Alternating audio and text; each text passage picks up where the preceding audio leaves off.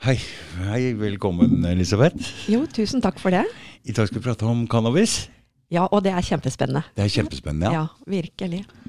Det er bra. Du, du kan du fortelle litt om eh, hva slags sykdom er det? For jeg ser du sitter i rullestol og viste meg et bilde her hvor du var ikke rare skrått, måtte jeg få si. Nei, ikke sant.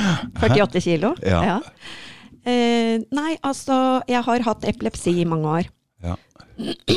Og så eh, eh, fikk jeg betennelse på synsnerven og eh, eh, fikk problemer med nedsatt følelse i mm, venstre side i 2009. Du, den epilepsi, var det den derre Jeg har sett noen veldig ille anfall hvor folk ligger bare med bakhuet og hæla nedi og Ja. Er det sånn du hadde? Eh, det har jeg fått, det fikk jeg i senere tid. Mm. Men, eh, men eh, For epilepsi har forskjellige former. Du, jeg har akkurat googla det, fordi jeg hadde en ja. god bekjent av meg som fikk et veldig merkelig anfall. Du trodde det var hjertet.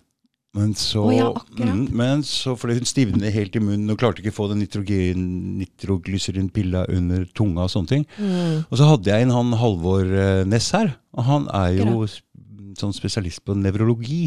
Ja vel. Ja. Og da begynte jeg å google på det epilepsi, og det er jo en Ja. gruppe, en helt svær gruppe med forskjellige ting, ikke Ja, sant? ja. Mm.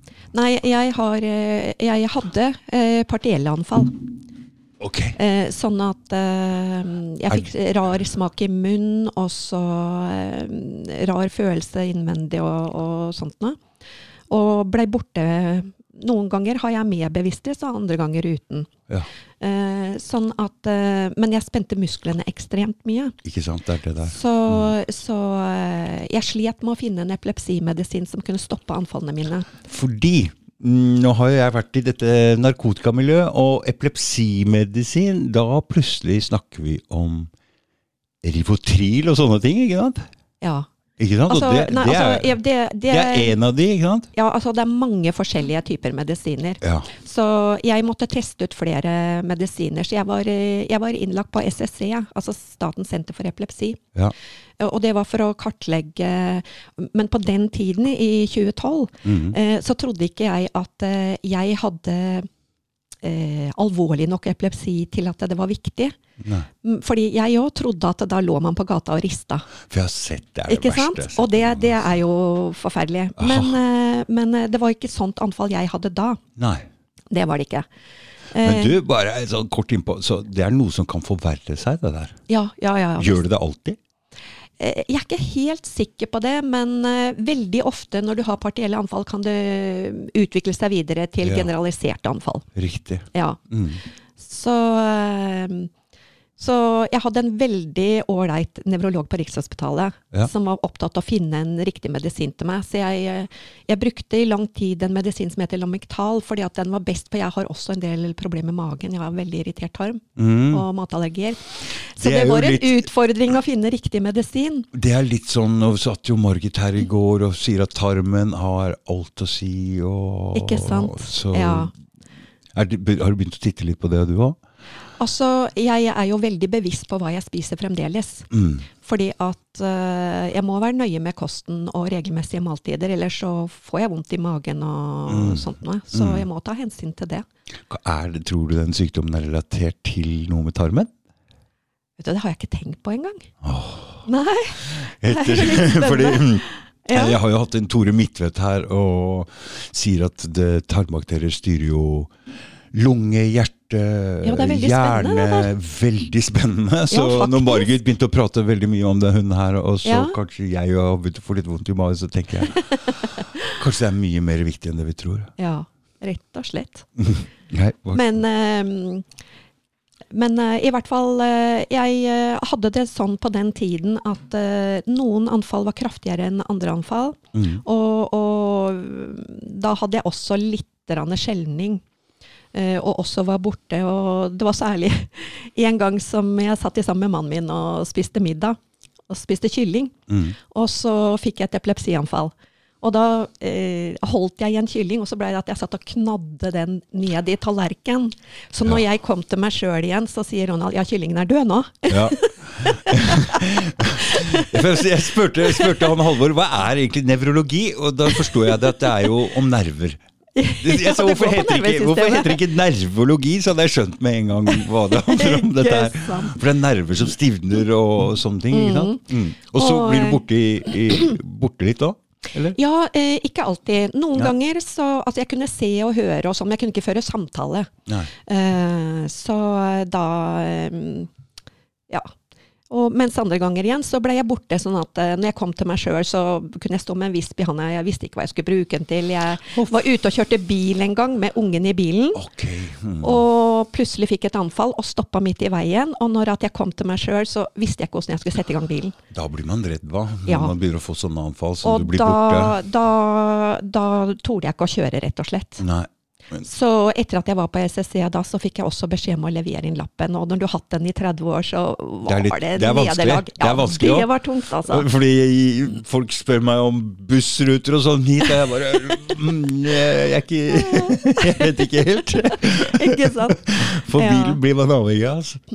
Men eh, nei, jeg slet jo veldig med å finne en, eh, en tilleggsmedisin til lamictalen. Og lamictalen nå, den jeg, Jeg har mistanke om at det er den som ødela synet mitt. Jeg er veldig sterkt lysømfintlig. Åhå. Og så gjorde den at jeg fikk konstant kvalme, så jeg var avhengig av kvalmestillende hver eneste dag også. Ja, for det er ikke en eneste medisin de Som får som ikke har noen bivirkninger, ikke sant? Ja, Så og det går igjen. Ja. Men jeg ble heller aldri anfallsfri med den. Så jeg prøvde hele tiden å finne en ny medisin, en tilleggsmedisin som kunne stoppe anfallene. Mm. Så det gikk aldri mer enn tre uker mellom anfall. Det, Mm. det var liksom Ja, kunne ha fem-seks anfall i døgnet. Så du begynte litt sånn smått, få noen sånne små anfall, og så ble Ja. det bare verre og verre? Ja. Mm. Så, Selv om du gikk på medisiner? selv om jeg gikk på medisiner. Ja. Da hvis, Men jeg har veldig stressutløsende epilepsi. Ja. Eh, sånn at eh, særlig med reiser på flyplasser og sånn, så visste jeg at eh, da fikk jeg alltid anfall omtrent. Altså. Men ikke så sånn- da brukte jeg Cestolid. Stesolid Eller, er det jeg mener. val, valium var det jeg brukte. Valium. Disse, Ja. disse, ja, det, er, det er klart at når du, når du begynner å bli redd for å få disse anfallene, så vil du jo helst ikke ha dem på sånne steder. Og da, så, da la, stresser man seg Ja. opp til å få de anfallene. Og jeg har eh, liksom alltid men, men jeg strever den dag i dag med når folk ser jeg får et anfall, liksom. Mm. At jeg syns det er pinlig. Mm. Så eh, Men eh, i hvert fall eh, Det var sånn type anfall som jeg hadde eh, fram til eh, 2015, altså sep eh, 29. september i 2015 så våkna jeg opp og kunne ikke røre meg. Ok. Ja. Så jeg følte meg dårlig på kvelden og sa til mannen min at nå får jeg bare gå og legge meg klokka Mm. åtte på kvelden. Mm. Og, og det var tungt å gå opp. Jeg, jeg klarte ikke å ta og fjerne sminke eller noe og, og ned i senga. Og når jeg våkna, så var hodet låst fast i puta. Mm. Så jeg, blei, eh, jeg var for syk til å bli sendt til eh, Fredrikstad sykehus, som var til omlegging til, til Kalnes, vet du. Mm. Fordi det ble nytt sykehus. Så jeg ble innlagt på Per Gynt i Moss Mm. som pleiepasient, og jeg måtte mates, vaskes. Og det var helt forferdelig, altså. Når du er Mm. 52 år og ligger som en grønnsak. Det skjønner jeg. Og i starten da Så så slapp det ikke? Nei. Så i starten da så, så Jeg fikk jo morfin og Mm. Paracet i store doser. Mm. Og, og det er klart at det dempa smertene, men det ga Så det meg var jo smerter også? ekstremt. Ja. Jeg hadde ekstreme smerter i nakken og øverst i ryggen. Fordi Så- musklene knyter seg eh, Nei, altså, ja, musklene var helt låst. ja. Og derfor så klarte jeg ikke også å løfte armene. Mm. Jeg kunne liksom bevege litt sånn opp med armen, men jeg kunne ikke løfte armene. Jeg måtte ha hjelp til absolutt alt. Mm. Og, og det Hvor lenge klart- hadde dette foregått i forkant av 2015? da? Nei, altså eh, fra 2009, når jeg ble nummen i venstre side, så, så stivna jeg jo i nakken. Så jeg hadde gått til fysioterapeut siden, fram til 2015. På grunn av at jeg eh, var stiv i nakken og hadde nakkesmerter. Men du hadde hatt småanfall før? ikke sant? Før Men, men anfallene starta i 2001, så jeg begynte begynte ja. på medisiner i 2002. Ja, Ja, riktig. så jeg hadde hatt epilepsi i mange år Mm. eh, før det. Mm. Så det var en eh, gradvis forverring hele veien? helt Ja, men jeg vet ikke om det hadde noe sammenheng eller noe det heller. Nei. Men eh, da når jeg, kom til nevrologen på Rikshospitalet som hadde fulgt meg opp med epilepsien, så, mm, så trodde de jo at eh, jeg hadde MS først. Fordi at, MS, ja, Mm. fordi jeg hadde veldig mye symptomer på det. For MS, det er multiple sklerose. Det er Ja. en sånn greie i hjernen som bare sprer seg utover, og til slutt så kan du ikke røre deg. Men, men det skjer mer gradvis, eller? Ja, altså, eh, jeg tror det.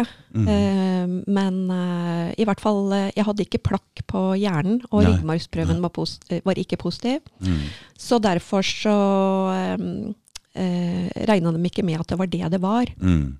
For MS, er det en sykdom som er uhelbredelig, og Ja. alltid gir uh, Det, det fortsetter vel bare å utvikle seg. Og har ingen stopp på det, ikke sant? Nei. Helt til du dør. Men uh, i hvert fall uh, Jeg eh, altså raste jo ned i vekt fordi at eh, jeg var jo sengeliggende. Ikke sant? Eh, jeg, når jeg kom hjem fra sykehuset etter flere uker, så eh, hadde hjelpemiddelsentralen vært og, og tilrettelagt for meg i hjemmet mitt. mm. Men uh, vi bodde i to etasjer, sånn at uh, mannen min måtte bære meg opp og ned trappa morgen og kveld. Mm. Han ville jo ha sykehusseng i stua, men jeg ville ikke ha noe uh, sykestue, holdt jeg på å si. Men jeg blei fryktelig deprimert. Klart man blir det. Jeg klarte ikke å se morgendagen, altså. Mm. Det, for livet mitt stoppa jo helt opp. For jeg, jeg, jeg eh, var helt totalt sengeliggende. Så når jeg hadde hatt det sånn i fem måneder, så mm, kom sønnen min hjem, for han hadde vært i utlandet, og, og fikk helt sjokk når han så meg. Ja. Hvor tynn jeg var, og at Mm. jeg hadde mista livsgnisten. For jeg har alltid vært en gladjente. Mm. Og det er du nå? Ja, jeg er det! Ja. Så, Det er, viktig, du, det er viktig at man er av den positive typen når noe sånt skjer. Ja. Hæ? Så det er klart at det var, det var jo veldig tøft for mannen min å, å se meg så deprimert, for det var jo ikke han vant til, for vi hadde jo levd sammen i mange år. Og, Mm. Så det var en veldig tøff periode for han også. Ja, klart da. Og da skjønte vi at eh, liksom, det er ikke sikkert jeg blir frisk, så, så da måtte vi selge hjemmet vårt for å få noe på én flate. Mm. Og siden at han var hjemme også, da han måtte slutte å jobbe året før fordi at eh, han brakk nakken da han var 15 år, Mm. så han fikk senskade pga. det, og det var tøft for en arbeidskar å bli gående hjemme. Det er veldig, det passer ikke for en mann, skjønner du, å gå sånn og tusle hjemme. Så det er da- ikke nok energi. Ja. Nei. Nei, så vi, eh, vi har jo vært veldig glad i å reise. Vi har reist rundt i mange land og, og elska Syden. Og vi snakka jo om å dra til Syden på pensjonisttilværelsen vår, ikke sant. Mm. Men, men eh, da Jeg har jo også en, en eh, gudstro, da. Jeg tror på Gud, og, Mm. og jeg ba til Gud nå får du vise meg hva jeg skal gjøre. Ja. Så eh, så plutselig så bare bestemte jeg meg for at nei, nå selger vi alt vi eier og flytter til Tenerife. For vi så et program på TV at der var det vakkert. Vi hadde ikke vært der engang. Så vi tok rett og slett og solgte alt vi eide, vi. Og kjøpte der er det vi solgte, nei, vi hadde ikke kjøpt noe Nei, noe. dere dro ned dit. Så. Vi, Mm. solgte alt vi eide og landa på Tenerife med fire kofferter og enveisbillett. Og da hang jeg i armene hans med krykke i en arm og, og, og 48 kilo, ikke Men sant? var det Gud som viste deg at du skulle dra dit? Ja, jeg følte det. Ja. Jeg følte det. Han Så- bare pekte på Tenerife, han. Nei, altså, jeg så et program på TV som heter A Place in the Sun, hvor eh, engelskmennene finner eh, Ja, det der, ja. Ja, ja, ja, Ja, ja sett jeg jo. Det er ganske kult. Ja, og da var de jo innom forskjellige steder. Jeg tenkte jo Gran Canaria først, men så så jeg Tenerife. Der er det vakkert, der har jeg lyst til å bo. Ja. Så vi tenkte vi har ikke noe å tape på å prøve, da. Nei. Så nei da. Og alle sa de jo ja, men har dere kjøpt noe, da? Nei, vi vil vente så vi finner ut hvor vi skal. Klart det, ikke sant. Du Men, må eh, men da har dere leid noe, da? Nei, vi har lagt oss inn to uker på et hotell. Det ordner seg. Ja. Men det er fordi jeg har en positiv innstilling, at ting ordner seg, ikke sant. Og det er tøft gjort i den situasjonen du du var i da. Men vet du hva? Når folk reagerte sånn da, så sa jeg pytt, pytt, liksom. I dag vi sitter og flirer og sier det er ikke rart folk reagerte. For så dårlig som jeg var. Jeg kunne jo nesten ikke gå. Nei. Og, og, og var så muskelstiv. Altså, skuldrene mine gikk framover. Ikke kunne jeg rette ut armene eller beina. Ikke kunne jeg snu hodet ordentlig til siden.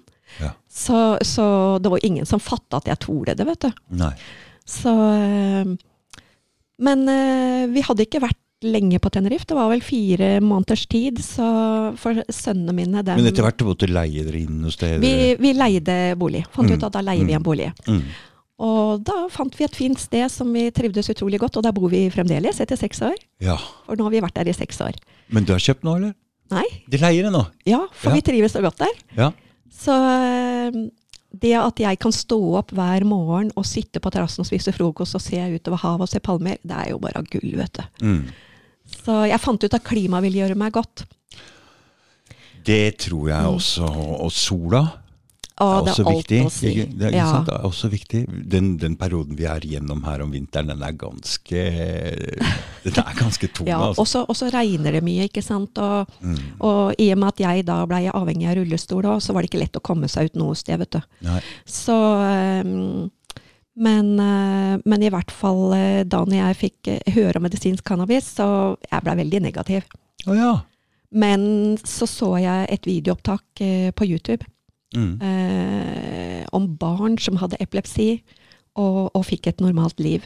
Mm. Eh, altså De hadde oppi 100 anfall i døgnet og kunne få et normalt liv med cannabis. Mm. Så da blei jeg veldig ivrig da, vet du, på å få tak i sånn olje. CBD-olje. Ja. Mm. Så eh, Fordi jeg har jo i utgangspunktet vært litt sånn negativ til den CBD-olja fordi for det første så har det vært noen sånne pyramidegreier her, hvor de selger dette for oss til venner, og CBD Ja. her. Og så ser jeg jo det at eh, de fleste jeg kjenner, er jo interessert i den virksomme delen av, eh, av, eh, ja, av ja, det ja. stoffet, altså ja, THC. skjønne det. Ja. Og så tenker jeg hm, de bare tar ut det uvirksomme delen av det, det av greiene, og så selger de det også. Men, eh, Nei, du veit det at uh, cannabisplanta den har over 400 virkestoffer. Ja, Og over 100 cannabidioler. ja. Og, og, men de to mest virksomme, det er THC. Mm, Det er det som gjør, psykoaktive stoffet som gjør at du kan bli høy. mm, Og så er det CBD. mm. Og de har jo veldig god medisinsk virkning. Begge to. Ja. Mm, Og CBD eh, faktisk alene kan hjelpe veldig mange. mm. Og, og eh, barn med epilepsi de får jo ikke mye THC. Det er, eh, det er vel 0,3 som er i Amerika som har vært eh, lovlig der. Hva betyr 0,3 0,3% av eh, olja? THC i den olja som Og, de og. CBD, hvor mye er det da? Det, det varierer hvor mye de må ha. Mm, Så du kan si, sånn som jeg har det nå, da, mm, så bruker jeg eh, 25 eh, CBD-olje. mm, Og da tar jeg tre dråper av den fire ganger om dagen. Og så har jeg en 10% THC, hvor jeg har én dråpe fire ganger om dagen. mm. Og det er nok til at jeg har et normalt liv. Fordi, men den THC-en som du tar i dråper, eh, virker den, eller? Helt fantastisk. Ja, men Virker den sånn, merker du at du blir eh, stein, eller hva skal Nei. si? Nei. Og det er det som er, at de fleste tror at det her dreier seg om rus. Ja. Og, og til og med i min nærmeste familie, de trodde jeg hadde blitt narkoman. ja. Men, eh, men for meg handler ikke dette om rus i det hele tatt. Nei. Men min mulighet til å ha et normalt liv. ja. Så eh, Så når begynte du Ikke sant, du dro ned der 20 Når var det du dro ned? det var året etter at jeg ble 2016. syk. 2016. 2016. Ja, sommeren 2016. Ja. Og så denne Og så i november da så, eh, så dro jeg innom en Fordi at Spania, de har jo mm, Der er det jo lovlig å dyrke til eget bruk. Du kan ha Har du vært, vært det hele tiden? Nei, Helt det- siden du flytta dit? Ja, helt siden jeg flytta dit, ja. Ja, mm. Så der er det grow-shopper. Du kan kjøpe det du trenger til å plante. ja. Men også det som er fint, er at det er eh, cannabisklubber. Mm. Og da går du inn der og kan kjøpe det du trenger, om det er hasj, om det er marihuana. For det, eh, det er jo forskjellige strange, som det heter. Mm. Eh, noen inneholder mer THC, andre mindre. Ja, for dette her Det er forskjellig virkning også, disse Det har veldig stor forskjellig virkning. Stor forskjellig virkning. Ja. ikke sant? Og jeg blei jo dårligere eh, etter hvert. eh, Når jeg kom ned til Tenerife. Så det var viktig for meg å finne ut av symptomene mine da. Så du ble enda dårligere? Ja. Mm. Fordi at da begynte foten min å svikte, for jeg kunne gå liksom litt mer med krykke, og at jeg holdt meg fast i mannen min og sånt. nå. Så bare klima og sola og sånn var ikke nok til Nei. å reversere dette? Nei, det var ikke det. Mm. Så um, Nei, da var det veldig viktig for meg å finne ut av det. Mm. Så nevrologen ville at jeg skulle eh, ta noe som het DATSCAN for å finne ut om jeg hadde parkinson. Mm. Og da sa jeg men det tror jeg ikke er nødvendig, for jeg, jeg har jo ikke noen skjelvninger. Nei, for det, det er sånn som Muhammed Ali hadde. ikke sant? Rister Ja, sånn. Mm. Så, mm. eh, men, eh, men jeg hadde jo ekstremt muskelstivhet og treige bevegelser, og så hadde jeg konstante tics i fingrene mine. Som, sånn at jeg tappa fingrene. Ja. ja. Men Så hele eh, nervesystemet ditt sto sånn i helspenn? Ja. Mm. Så eh, ble det til at jeg gjennomførte den testen, og når jeg åpna konvolutten og så, så, så sto det at jeg hadde parkinsonisme. Og jeg fikk helt sjokk. Parkinsonisme, ja. Mhm. Så eh, parkinson nå, det er jo eh, Altså, du har forskjellige typer der, og jeg trodde parkinson var bare de som mm, mm. hadde skjelvninger. mhm. Men jeg hadde veldig mye indre skjelvninger. Men jeg, jeg visste ikke at det hadde noe med det å gjøre. Indre skjelvninger. Ja. Så da viste det seg at det var parkinson jeg hadde. Ok. Ja. Så ville legen at jeg skulle begynne på parkinson-medisiner. Men da hadde jeg eh, allerede vært i kontakt med en medisinsk klinikk i, på Tenerife, mm. hvor legene behandla med cannabis. Aha. Så da fikk jeg veiledning med hvordan jeg skulle bruke olje, CBD-olje og THC-olje. Og da når du får det fra, eller fra disse hvite frakkene, så blir det, Ja. er det litt lettere å, å tro på det? Det, det sånn? gjorde meg litt tryggere, for i starten så, så um, Jeg tok jo cannabiskake, det var jo det første jeg gjorde. Mm. Og, og, um, og det var en helt, helt spesiell opplevelse, altså. Mm. For eh, i og med at de ikke hadde olje, og jeg liksom fikk det der lille kakestykket, det, det var liksom sånn Så sier han du er så lita, så det holder med halvt halv kakestykke til deg. Så, Var det på klubben der, ja, da var det på Mm. klubben vi kjøpte det. Mm. Så han sa at eh, når du har tatt eh, liksom den etter du har spist frokost, så vil det gå ca. 45 minutter før det virker. Mm. Og jeg tenkte ikke over det. Jeg satt på terrassen med kaffekoppen og, og, og låst i skuldrene som jeg pleide. Og jeg følte på en måte jeg hadde rustning på meg, for jeg var så låst. Mhm. Eh, og plutselig, det hadde gått nøyaktig 40 minutter, så var det akkurat som sommerfugler inni meg. Og jeg slappa så av, og så plutselig Oi, jeg kunne snu på huet. Oi. Jeg kunne rette ut armene dine, og jeg bare Ronald, se på meg! Oi. Og begynte å veive på huet og, og Ja, men se, da! Ja, jeg ser, sier han. Mm. Vet du hva, det var helt sinnssykt. Jeg Mm. trodde ikke det var mulig. Mhm. For jeg hadde vært så skeptisk på forhånd at nei, det, er, det, det hadde jeg ikke tro på. Nei, og, men, men bare, Så det programmet du så, det handla om barn med epilepsi som ble Ja. friske? Men Og, med, og de brukte CBD-olje, så det var egentlig det jeg var på jakt etter for å prøve. Ja, men så viser det seg at du har ikke epilepsi i det hele tatt. Jo, jo. Du har Jo. det også? Ja, jeg har og begge Parkinson? deler. Ja. Oh god, ja. Og, og det som var, det var jo at eh, eh, nevrologen på Tenerife var jo veldig opptatt at testen viste at jeg mangla dopamin i hjernen, så jeg var nødt til å begynne på Parkinson-medisiner. Men da hadde jeg eh, kommet godt i gang med å bruke CBD-olje og sånt nå, Mhm. eh, og THC-olje. Så jeg var ikke så innstilt på det. Jeg ville bare vite hvordan jeg skulle forholde meg, hvordan fremtidsutsiktene var. Mhm. Men hun sto på sitt, så tenkte jeg ja ja, da får jeg prøve. Ha et Mm. åpent sinn. Mm.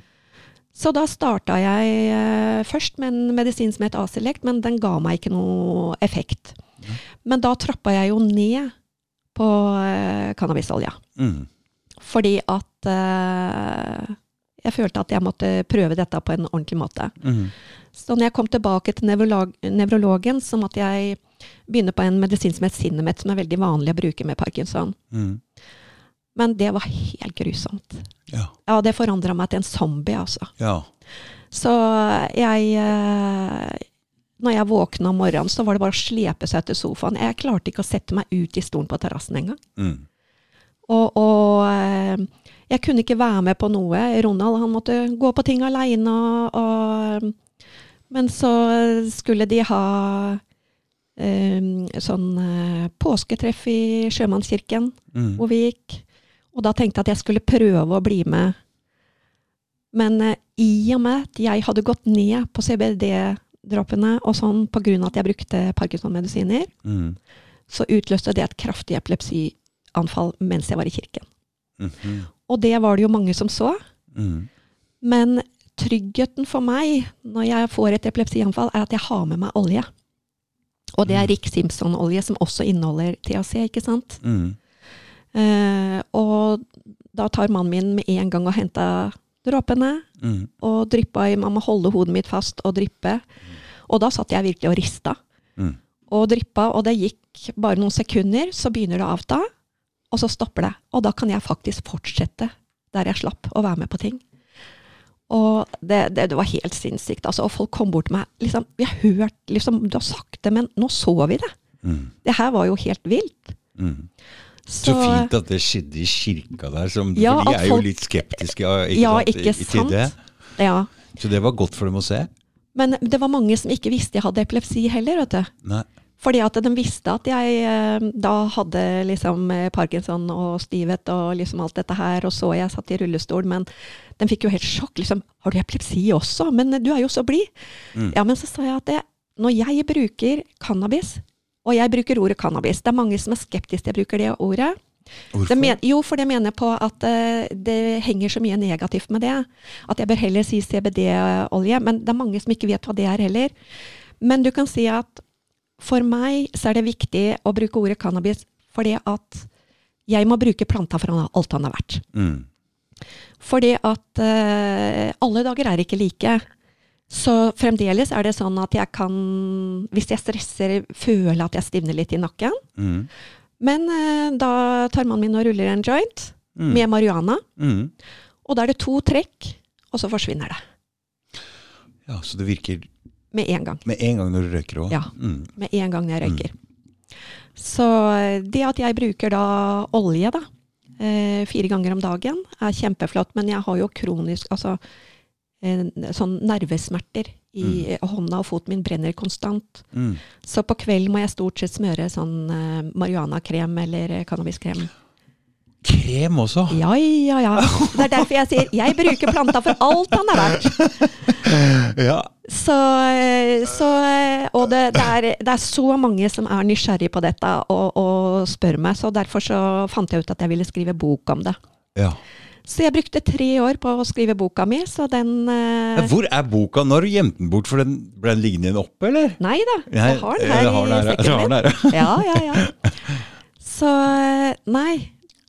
Og da eh, var det viktig for meg å, å få fram dette her, fordi at eh, til og med eh, nær familie trakk seg unna fordi at eh, det gikk rykter om at eh, vi hadde blitt narkomane. At vi bare satt og røyka og var høye eller annet. Og det, det var veldig vondt. Det var faktisk det, altså. Ja.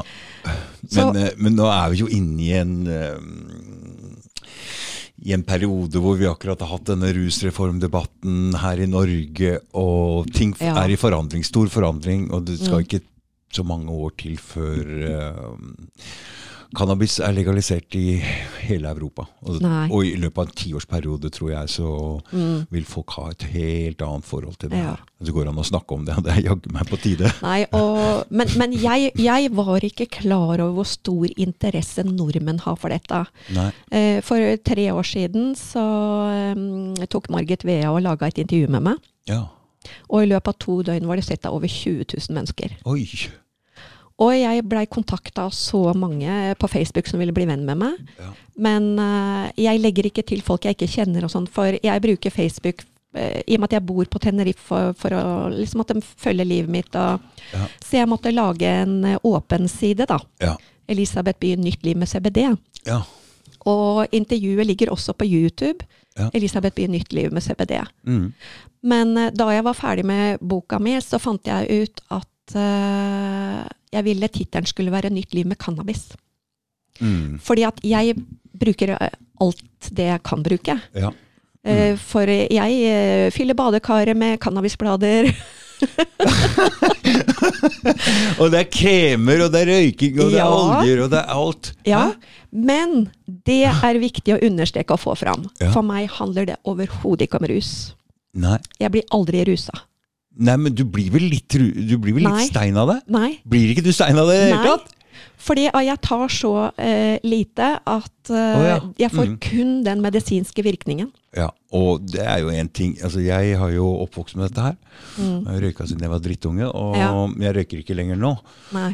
Men um, når man røyker mye, det Altså For å være helt ærlig, så Jeg spilte i fjerdedivisjon, og jeg hadde altså da var jeg litt eldre. Da hadde jeg en ferdigmekka en i lomma, så jeg bare gikk og lot når, jeg hadde treningsdrakta på, og så gikk jeg og lot som jeg skulle tisse bare, og så røyka jeg litt. Du, jeg røyka før jeg gjorde alt. Ja. Før fotballkamper, før alt, før Oi. alt, og etter. ja. Det var det vi gjorde den gangen. Og man blir jo på en måte litt tolerant for dette her, så man blir ikke stein på Men, men, samme han, måte. men handla det om rus for deg da? Eh, ja, men jeg tenkte ikke så mye over det. Nei, men fordi du slappa av, ikke sant? Jeg vet ikke, De gjorde ingenting å spille fot Det var bare bra for å spille fotball. altså. Ja, ja, ja. Så mm, folk tenker på rusa i den forstand, men jeg gjorde Mm. det før all trening, før alt sånt. Så rusa, jeg vet ikke helt. Nei. Når man venner seg til det der på en måte, så blir man ikke Altså, Alle sånne litt psykoaktive stoffer så uh, føler at kroppen din er eh, Kroppen fungerer eh, helt 100, 100 Ja. Altså Alle reaksjoner og alt er jo helt 100 selv om man blir litt annerledes Ja. inni huet. Men, eh, men det er klart at eh, når det gjelder cannabis, om det er eh, hasj, eller om du røyker marihuana, eller om du tar det ene og andre, så, så er det jo veldig forskjell på, på styrke. Ikke sant? Så noe inneholder jo mer THC, som Mm. er det virkestoffet som gjør at du kan bli rusa. Mm. Uh, så mm, jeg har jo Altså, det som er fint på Tenerife, er at vi har cannabisklubber. Mm. Og det skulle jeg virkelig ønske det ble i Norge også. For der er et enormt utvalg, og du kan Ja. velge, ikke sant? Og du kan lukte på det, og det, Ja, liksom, du mm, har eh, mm. blomstene, du kan lukte på det, og, Mm. og eh, du har eh, indica som har den beroligende virkningen. Mm. Og så har du sativa som inneholder mye mer THC, som gjør at du kan bli mer rusa. Mm. Eh, Så for meg så er det viktig at det er den beroligende, men samtidig litt Så det beste er også, Mm. når man ruller en joint, å, blande begge deler. Mm. Sånn at uh, jeg blir litt løfta, så jeg får energi, Mm. men ikke russ. Blander du? Blander du det i tobakk? I litt tobakk, ja. Røyker du, røyker du også? Nei, Nei. jeg gjør ikke det. Så det tok meg lang tid før at jeg kom dit at jeg uh, tok røyk. Ja. Mm. Men, men, uh, men det, det gjør jeg jo ikke hver dag. Nei. Det er kun hvis at jeg merker at jeg stivner i nakken. Mm. For det virker med en gang, da. Det, det virker med en gang når jeg røyker. Mm. Mm. Så, så, så Nei, jeg Men, men jeg har- jeg har jo også en sånn uh, vape-inhalator. Ja, det er noe Det er et eh, Ja, altså, du kan vape CBD-olje. mm. Da er det ren uh, olje som overhodet ikke har THC i seg. Mm. Men uh, jeg har ikke Altså, litt virkning kan jeg ha, men uh, jeg har det best når det er litt THC. Mm. Så nå har jeg en som jeg faktisk døtter litt marihuana ned i sånn liten kapsel. Mm. Sånn at hvis jeg da stivner, så, så kan jeg bare inhalere et par trekk, og så, og så slapper jeg helt av. For den vaperen, den, den virker ikke Det er ikke noe tenne på-greier? Det er ikke noe Nei, det er sånn at den varmer seg opp. Så Varmer jeg, seg opp, ja, Mm. Sånn at jeg bare stiller inn på grader Mhm. eh, hvor mye THC jeg vil ha i meg. For det Mm. velger jeg sjøl. Mm. Så det er jo helt genialt, vet du. Ja. ja. Så da Altså, noen kan bli høye. Det avhenger av hva, ja, hvilken blomst du putter inni der, ikke sant. Og, men, eh, men jeg eh, tar en CBD, da. En, eh, en marianaplante som har mest CBD i seg. Mm. Og da bare stiller jeg inn sånn at jeg vet at ikke jeg får for mye THC i meg. Mm. For, for jeg, har så, jeg har ikke så mye utvendige skjelvninger. Men jeg har utrolig mye indre uro. Så enkelte av disse marihuana australia, dem gjør at jeg kan få uro hvis det er for mye THC. Mhm. Så jeg, derfor så har jeg funnet ut hva som passer best for meg, da. Mm. Og det hadde ikke gått an i Norge. Nei. For da må man på disse klubbene hvor de har et stort utvalg, Ja. og du kan justere, og du veit akkurat hva du får, og Ikke sånne ting. ikke sant? For dette Ja. her er det liksom Ok, Her- ja, men du tar det du får! Ja, ja Og ikke veit du hva det er. Ja. Eh, Omtrent, da. Ikke sant. Og, og ikke bare det, men du veit, eh, mesteparten av det som er solgt på gata, i hvert fall i Norge, da, det er jo Mm. hasj. Det er hasj, Ja. Det er jo et eh, problem med den der marihuanaen, og det er at hvis vi hadde røyka her inne nå, Mm. eh, så hadde alle naboene merka det. Ja, ikke Ikke sant? For det lukter så jævlig, det stinker så jævlig. Jeg har jo dyrka det greiene der, og jeg, jeg kom hjem fra det sittet og høsta, vet du, kom hjem hit til mamma, og hun sa hva i all verden er det du har drevet med nå? Det stinker så jævlig av dette. For det, det går ikke an å ha det i rommet nesten uten at det stinker. Nei, nei. Det er en stinkegreie, og så lenge det er ulovlig, så går det jo nesten ikke an å, å, å drive med det nei det, der. det er sant. Ikke sant? Så jeg er jo veldig glad jeg kan uh, røyke det på verandaen min. Ja, ja. det der er luktegreier. Men, eh, men eh, sånn som eh, mannen min nå, Mm. han eh, hadde jo veldig mye mm, hodesmerter. Mm. Han har sånn, noe som heter klasehodepine, hvor han får oh, ja, det- anfall. Det veit jeg hva er, gitt. For jeg har vært sammen med en som hadde det. Og det er ingen medisiner som hjelper, altså. Nei. Så han, han gikk på store doser med Paralgin forte og, og en medisin som heter Nevrontin. Og det gjorde at han forandra personlighet. Altså, jeg kjente den ikke igjen. Nei. Eh, og han, altså vi begge to hadde en bærepose hver med medisiner når vi kom til Tenerife. Mm.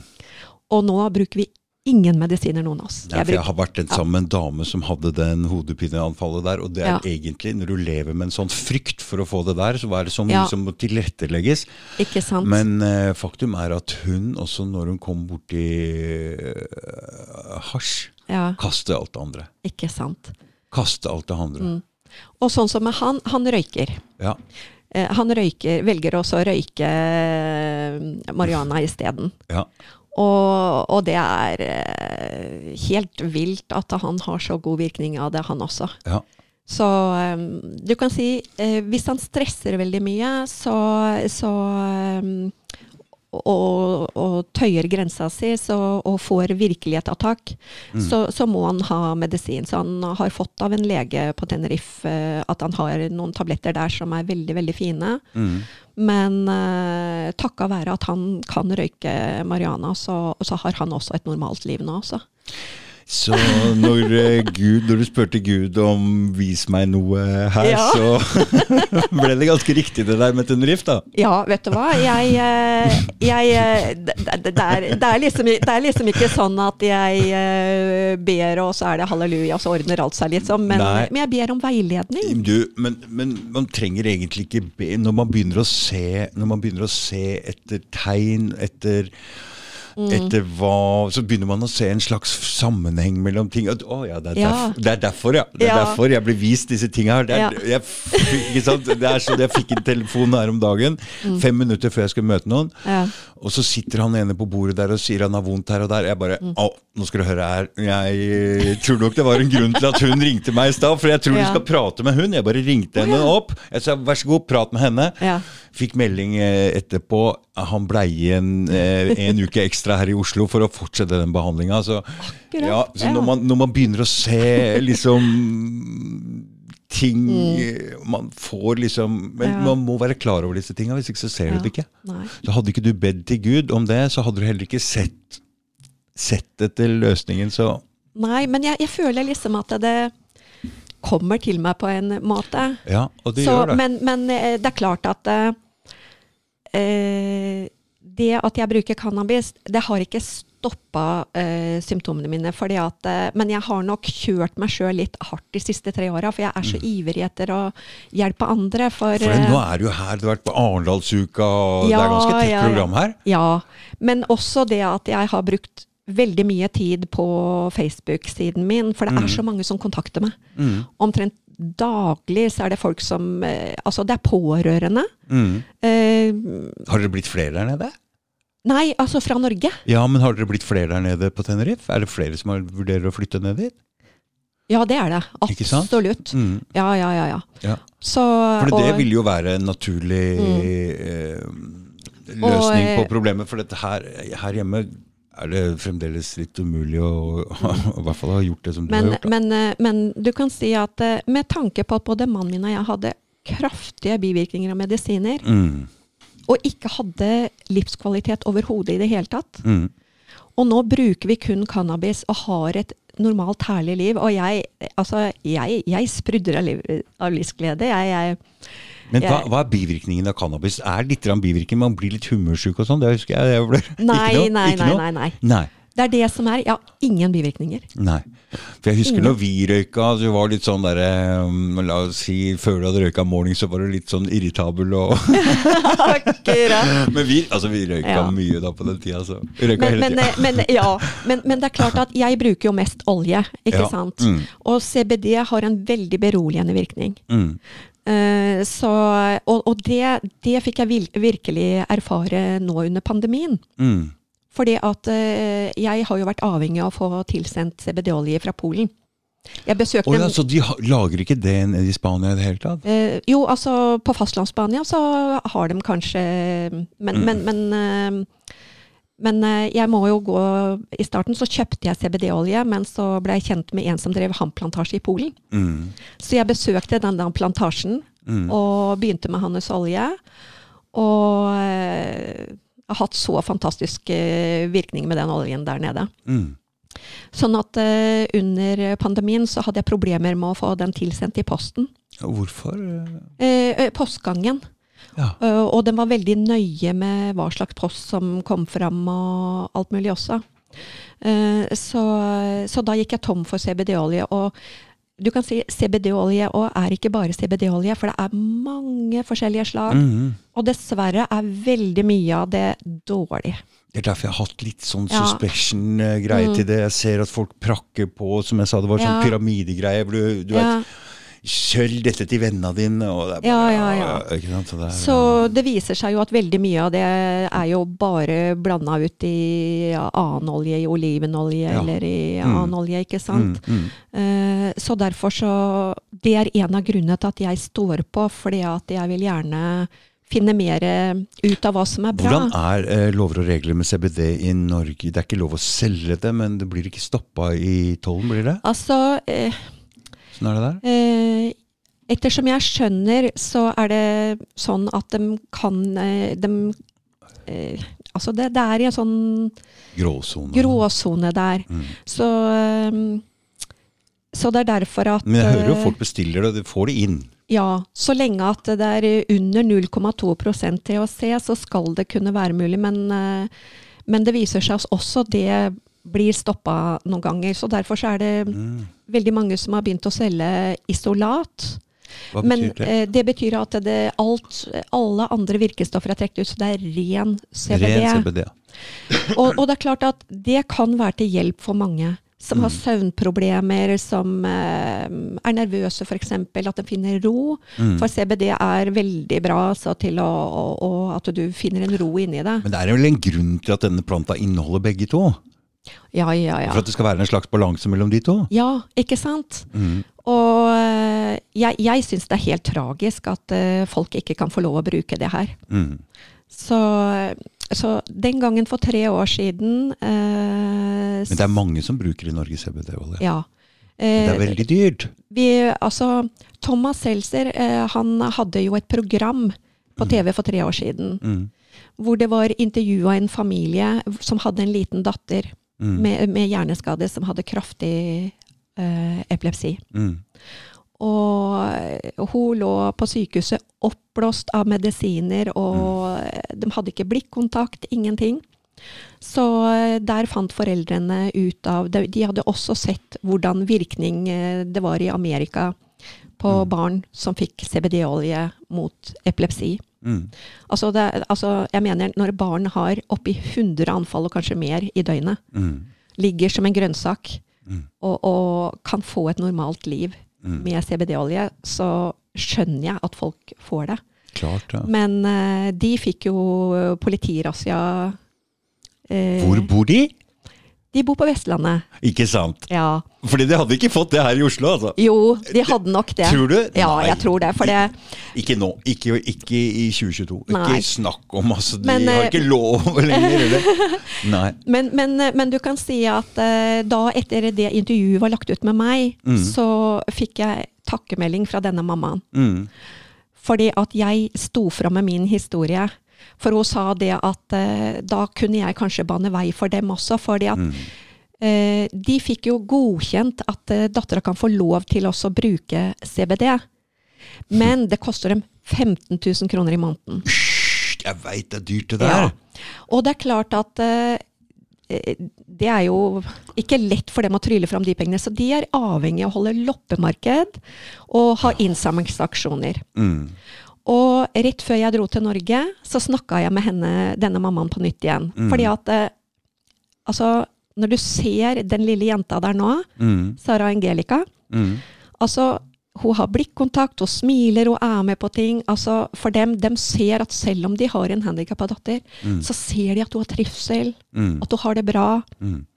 Men de har jo andre barn også, og det her påvirker hele familien. At alt dreier seg om å skaffe nok penger til medisin. Mm, mm, mm. Og sånn burde det ikke være i et av verdens rikeste land. Nei, men Det er galskap. Så jeg føler at det er så viktig at cannabis blir godkjent på lik linje med andre medisiner. mm. Når du tenker på at det finnes ikke én medisin som ikke gir bivirkninger. Mm. Og Og da når noen kan få så stor helsegevinst av å bruke noe som er så skjønt, at det aldri registrert et dødsfall Nei, cannabis. nei Aldri. men det, det der med å få godkjent legemidler og sånn, det koster jo masse penger, og da må Mm. disse legemiddelfirmaene tjene penger på det, og så er det ikke så lett å få patentert det her, ikke sant? sant? Så det er det hele den mølla der, da. Ja, ja.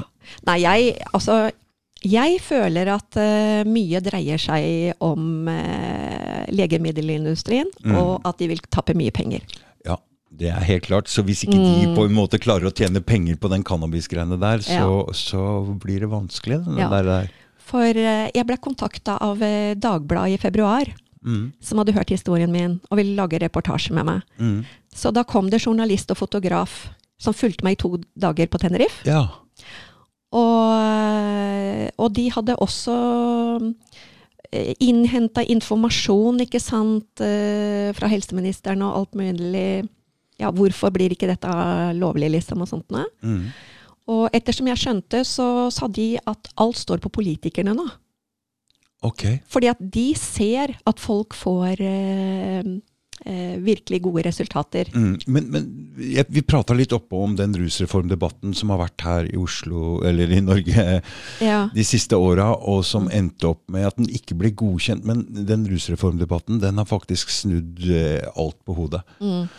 Når det gjelder um, altså, Det er ikke lov å ransake folk lenger. du, Jeg Ja. sa det i stad, når Riksadvokaten Ja, ja, gikk ut og sa at uh, vi har aldri lov til det der. Og Mm. du blir frikjent for å eller Det var en dom i Høyesterett hvor de um, ikke blitt dømt for fem gram heroin, tror jeg, og noe kokain og noe greier. Ja.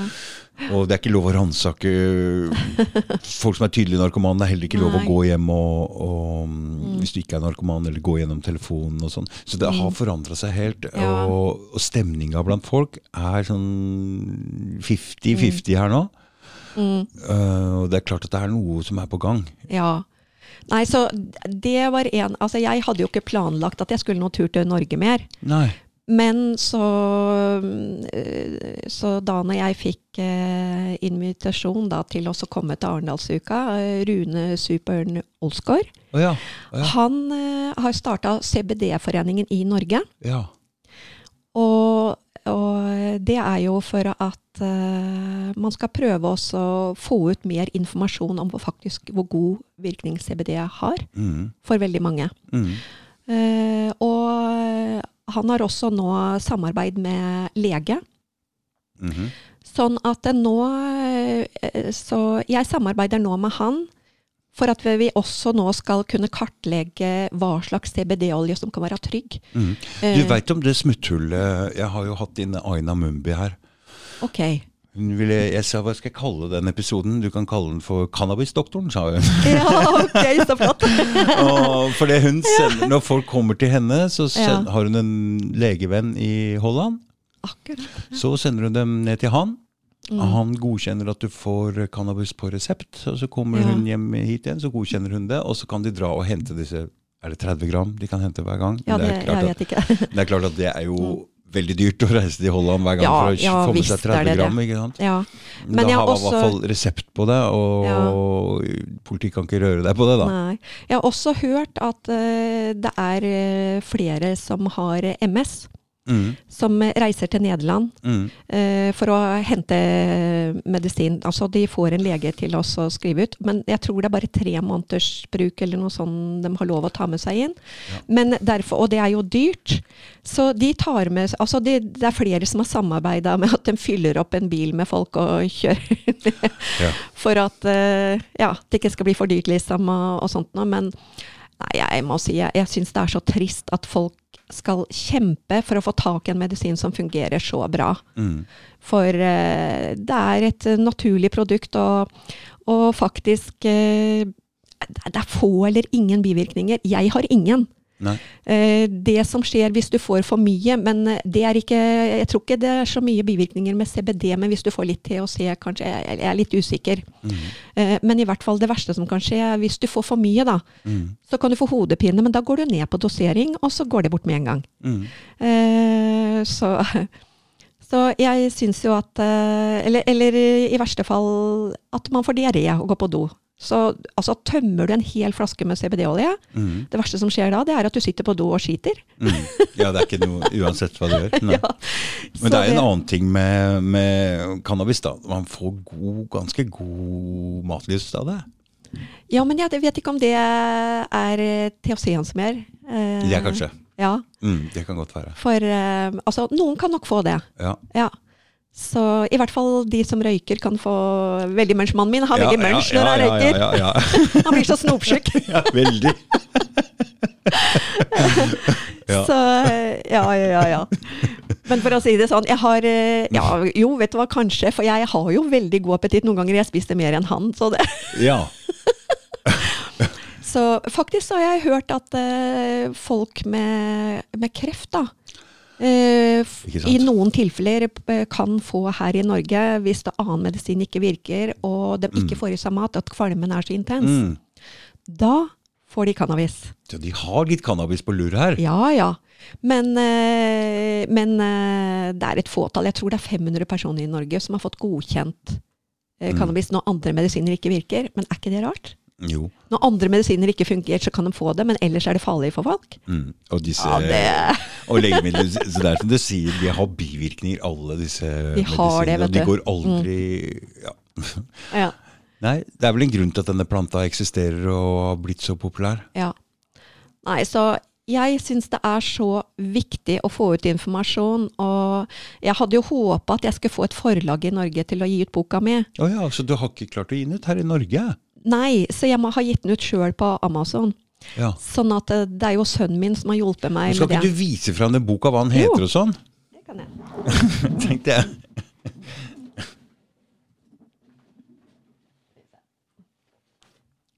Her, vet du. Ja. Oi, du sitter midt i en åker, Elisabeth. Jeg sitter midt i en hampåker, og det er det ikke mange som har gjort i en rullestol. Er det i Polen? Det er i Polen. Du, Er det dårlig å komme med reklame for han, eller eh, for den eh, går ikke det? Er det feil å si hvem de Det er Mr. Hemperek som jeg brukte her. Ja, Ja. Fra Polen, ikke sant? ja. Mm. Men uh, Hva er det som er så spesielt bra med den CBD-olja som blir lagd der nede? Nei, Det er i hvert fall ikke noe juks med den. nei, det er ikke noe juks. Men, men du kan si at eh, nå så prøver jeg å eh, Problemet med Hannes olje er at den inneholder noe THC. Ja, Så den er problemer her i Norge. Ja, men Mm. egentlig i Polen også, fordi at eh, han holder seg ikke innenfor regelverket, kan du si. fordi at det er jo Mm. ikke tillatt med over 0,2% THC der heller. Nei. Og, og det er jo veldig viktig med labrapporter. Mm. Eh, at, Men du, eh, hva er det denne olja mm, Hvis man f.eks. har um, marihuana her sjøl, da. ja. Som lave det, eller er det like bra å røyke det, eller hva, hva er greia her? Hvorfor denne olja? Nei, altså, du kan si at det blir jo mer konsentrert når du har olja. Mm. Eh, Men den in olja, den, hvor mange prosent er den inneholder av CPD f.eks.? 8-10 prosent? Nei. nei, vet du hva, det er store forskjeller. Ja. Du får fra 5, 5 og oppover. 5 og oppover. Ja. Og så er det sprit, eller er det andre? Nei, nei.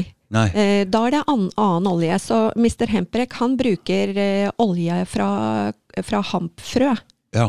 Mm. Og den inneholder mye næringsstoffer, den også, vet du. Ikke sant? For den planta Ja. der, den kan brukes til mye rart. Ja, virkelig. Til Og- og, med faktisk, klær eh, og sant? ja. alt mulig. Men, men sånn som hampfrøa, eh, den, inne, den inneholder så mye næringsstoffer at du kan sammenligne med den norske trana. Riktig. Ja. Sånn at eh, det har jo veldig stor betydning. Mm.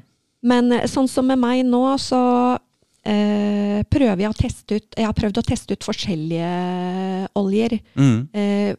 Fordi at jeg er opptatt av å hjelpe andre nå. Mm. Uh, og da vil jeg gjerne at eh, det skal være innenfor EU-regelverket med 0,2% THC. EU-regelverket sier, sier, Sier 0,2 Ja, ja. Så det er derfor jeg tester ut andre CBD-oljer nå, for å finne kvalitetsolje Mm. med tredjeparts labtester. Ja. Ja. Du har kontakt med et laboratorie som Så nå, nå så prøver jeg også å finne ut av forskjellige. Så jeg, jeg har ikke lyst til å gå inn på det akkurat Mm. Nei, enda, nei, nei, men jeg kommer til å reklamere for det etter hvert. Ja, Eh, det, så derfor har jeg laga en bloggside nå. for det er en jungel med sånne, ikke sant? Det er helt, Vanvittig. ikke sant? Og mye av det er juks. Ja. Mm. Så, så nå har jeg fått, eh, fått en profesjonell webdesigner til å lage blogg til meg. Den er helt ny. Mm. Der eh, ligger intervjuet som jeg har med Margit Vea, og der kan folk bestille boka mi. Den heter Du- elisabethby.com. Du Elisabeth, det er ikke bare det at du har um, fiksa mye av ditt eget liv, men du har fått en livsoppgave òg, Jeg har det, skjønner du. ikke sant? Jeg har det. Så, Det men men jeg, jeg må ærlig innrømme at eh, Ja, fordi det trengs nå, og, Ja. ikke sant? Det trengs. du, Altså eh, Det har jo vært veldig mye stress i det siste, fordi at eh, eh, han som har den hamplantasjen, han var også veldig imponert over meg og min virkning, og Ja. fortalt mange i Polen om det her. Mm. Så, så han fikk trykt opp eh, 1600 eksemplarer av boka mi. Eh, han fikk den oversatt til polsk. oh, ja. Og trykt opp 1600 eksemplarer. Så i mai var jeg i Polen. Mm. Jeg satt på torvet i Warszawa og signerte bøkene mine. Under den cannabismarsjen i Polen. Ja. Ikke sant? Og det altså Var det mange der? Mange tusen mennesker. Ikke sant? Og det, vet du hva, det er så vilt. Hadde noen fortalt meg for noen år siden jeg skulle sitte på torget i Warszawa og finne bøker, og være med i den store cannabismarsjen, vet du hva, jeg hadde Ja. ledd meg i hjel, altså. Ja. Så jeg blei jo intervjua av flere TV-kanaler, og, og, og de syntes det var helt utrolig at jeg blei med, som satt i rullestol. Mm. For vi var jo så uheldige med været den dagen. Det plaskregna. Jeg blei jo jeg blei jo kliss gjennomvåt og kald. Liksom. Jeg jo, hadde jo sånn regntrekk og sånn over meg, men eh, Så det var flere som sa det, at du gjør det her. Ja, så sa jeg jeg gjør det for en god sak, vet du. Mm. ja. ja det. Så, eh, så det, det var veldig moro. Men det er klart, når jeg kom hjem da, så var jeg veldig, veldig sliten, altså. Mm. Men eh, så jeg tenkte først skal jeg orke å dra til Norge, til Arendalsuka. Det her, det Hvor lenge siden var du var i Warszawa? Det var i mai måned. Ja. Så, og mens jeg var i, um, i Polen, så ble jeg også kontakta av lokalavisa mi i Moss. For jeg er fra Moss. ja. Som hadde hørt historien min. Jeg og lurte jeg hørte på... en liten sånn liten Så, og ville intervjue meg. Da. Så de intervjua meg over nettet mens jeg var i, i Polen. mm. Så da ble jeg, fikk de oppslag med meg der i lokalavisa, og de sa de samarbeida med andre lokalaviser, så derfor har jeg vært rundt i andre lokalaviser i Men det landet. er, positiv, det er utelukkende positivt nå, ikke sant? Og, og, ja, men, men jeg må ærlig innrømme at da når jeg var i Dagbladet òg, så var jeg veldig redd for det at eh, du veit det at eh, det er mange mennesker som er negative, så Mm. da sier mannen min at nå må du innstille deg på at, det, at folk kan komme både med trusler og med det ene og andre. Mm. Det har ikke vært én Det er ikke det, ikke sant? Nei, for det, det er Alle er positive. Ja, Det er helt, helt vilt, altså. Mm, men altså men det, det, det jeg ser det under den rusreformdebatten. Jeg var så overraska over at det var så Det var nesten før den rusreformdebatten gikk, eller den Mm. rusreformen gikk gjennom her i Norge. Altså Det er ganske store forandringer, så det er noen ting på gang her. Det er Ja. helt klart. Men altså, det handler om uvitenhet. Mm. For det må jeg si. Når jeg eh, var i Arendal nå, Mm. Og gikk rundt og prata med politikerne, Ja. det var ingen som hadde hørt om medisinsk cannabis. De De lever i sin egen boble, Ja, disse politikerne! ja, ja, ja. ja. Og så at det, at, det, at det hadde så virkning, for det, da hadde jeg med meg boka mi og viste bilde av meg her, hvor eh, spinkel jeg så ut, og, Mm. og, og liksom Du er en veldig god representant for, uh, for det, fordi du er så klar og skarp i huet og så blid. Det er ikke sånn typisk narkoman som sitter her, vil jeg si det sånn. Nei. Nei, altså, jeg, jeg vet du hva? Jeg, jeg sprudrer Altså, jeg er så full av livsglede. Jeg, jeg, Ja. jeg, har tatt paragliding på Tenerife og kjørt gokart, og Oi, jeg oi, oi. ridder på hest og, og gjort Altså, nå er jeg sånn Jeg har lyst til å gjøre alt. Jeg lever. Mm. Jeg ligger ikke som en grønnsak lenger. Men du, eh, hvor mange politikere fikk du prata med der nede? Du, det- det var mange lokalpolitikere. Mm. Eh, sånn at eh, Trude Arntzen, som er kjæreste med Rune Super Nolsgaard, ja. hun sa det at nå må ikke du slite deg ut på å gå rundt og prate med lokalpolitikere, så hun gikk liksom foran Ja. for at jeg skulle prate med de som liksom betydde noe. Ja. Så jeg fikk uh, prata med uh, tre politikere som var på Stortinget, da. Mm. Og de, de blei jo veldig begeistra, men det, det største for meg, det var jo å møte Geir Lippestad. ja. Så, eh, for det hadde jeg bestemt meg for at han hadde jeg lyst til å gi boka mi. For han virker som en så sympatisk mann. Dette er det partiet jeg har hatt inn. Hun derre psykologdama øh, Ja, husker ikke hva det heter engang. Ja. Men også Mm. som er i det partiet Hva er det heter det partiet deres? Nei, De har lagd et eget parti. Ja. De har brytt ut fra Arbeiderpartiet, i hvert fall. Ja, nå, vet du hva, akkurat nå står det helt stille for meg her. er det noe sentrumsgreier? Jeg husker ikke helt hva det heter. jeg. Det er samme Ja, det. ja, ja nå, akkurat nå så står det helt stille, men i hvert fall Jeg forsto det at han var veldig opptatt av handikappas rettigheter og sånt også. Ja. Mm. Og, og det menneskelige. Så det var derfor det betydde noe for meg å kunne fortelle min historie til han, da. Mm. Så øh, jeg tror det her partiet Sentrum, Ja, det var, jeg tror det er noe sånt. tror jeg det er. Mm. Ja. Ja. Der kom jeg på det. Han sitter og googler. Ja, der kom jeg på det. Ja. Men, eh, men det, var, eh, det, altså det var så fint at han kom gående forbi restauranten. For jeg, jeg peila etter å finne ut hvor han så hadde stand. Oh, ja, du så han utenfor en Og så bare Kom igjen her, ja, Geir. ja, ja. oh, ja. Så det var jo for at Trude Arntzen satt der, for hun har jo eh, vært med på veldig mye og møtt han, eller sånn. Mm. Hun jobber jo veldig mye for folks rettigheter og, og Mm, sånt noe, så, så hun hadde møtt han tidligere, så det er mulig han kjente henne igjen. Mm. Men eh, når at eh, hun satt der, ei Geir Lipstad, jeg svingte jo rullestolen i full fart bort for å liksom Hei, hei, jeg vil Ja. gjerne prate med deg! Ja. Men er folk åpne? Kan du bare dra bort til folk sånn og prate med dem? Det Ja, fordi at jeg er så blid så de stopper ut. Ja. Men, men da sa han at eh, jeg kommer inn jeg til dere, for det var sånn gjerde der. Og kom Ja. inn og satt ned. Og da spurte jeg om han hadde kjennskap til cannabis som medisin. Mm. Og det hadde han ikke. Nei. Så da når jeg fortalte om meg, og at cannabis er faktisk min eneste mulighet til et normalt liv, Mm. så ble han veldig imponert. Mm. Så sa han at det her må vi få videre. Mm. Så da fikk han boka mi, og jeg signerte den, og han fikk telefonnummeret mitt og lovte å ta kontakt, så nå mm. håper jeg at det Nei, skjer altså noe. det, er, det skjer noe fordi den, Ja. det har begynt en snøball å rulle her, og den Jeg stopper føler ikke. det, den altså. stopper ikke. Jeg Den føler stopper det. Mm. ikke. Så det er, eh, du er midt inne i en, Ja. skal vi si, en slags revolusjon. Ja, jeg, jeg, jeg, eh, føler liksom den Altså, Mm. jeg møtte jo eh, Polens største cannabisaktivister. Ja. Eh, og det er jo takka være de at det ble godkjent i, i Polen, da. Hva blir godkjent? Eh, medisinsk cannabis. Ja. Fordi at eh, for noen år siden, jeg tror det er ti år siden, så eh, eh, det var moren hans som hadde fått kreft. Mm. Så de hadde vært i Nederland, var det vel, og smugla CBD-olje i en vinflaske, tror jeg. Mm. Og blei jo stoppa på grensa. Da. Og da blei de fengsla begge to. Kona visste jo ikke om det engang. Så de, eh, de fikk jo tre og et halvt års fengsel. Oi!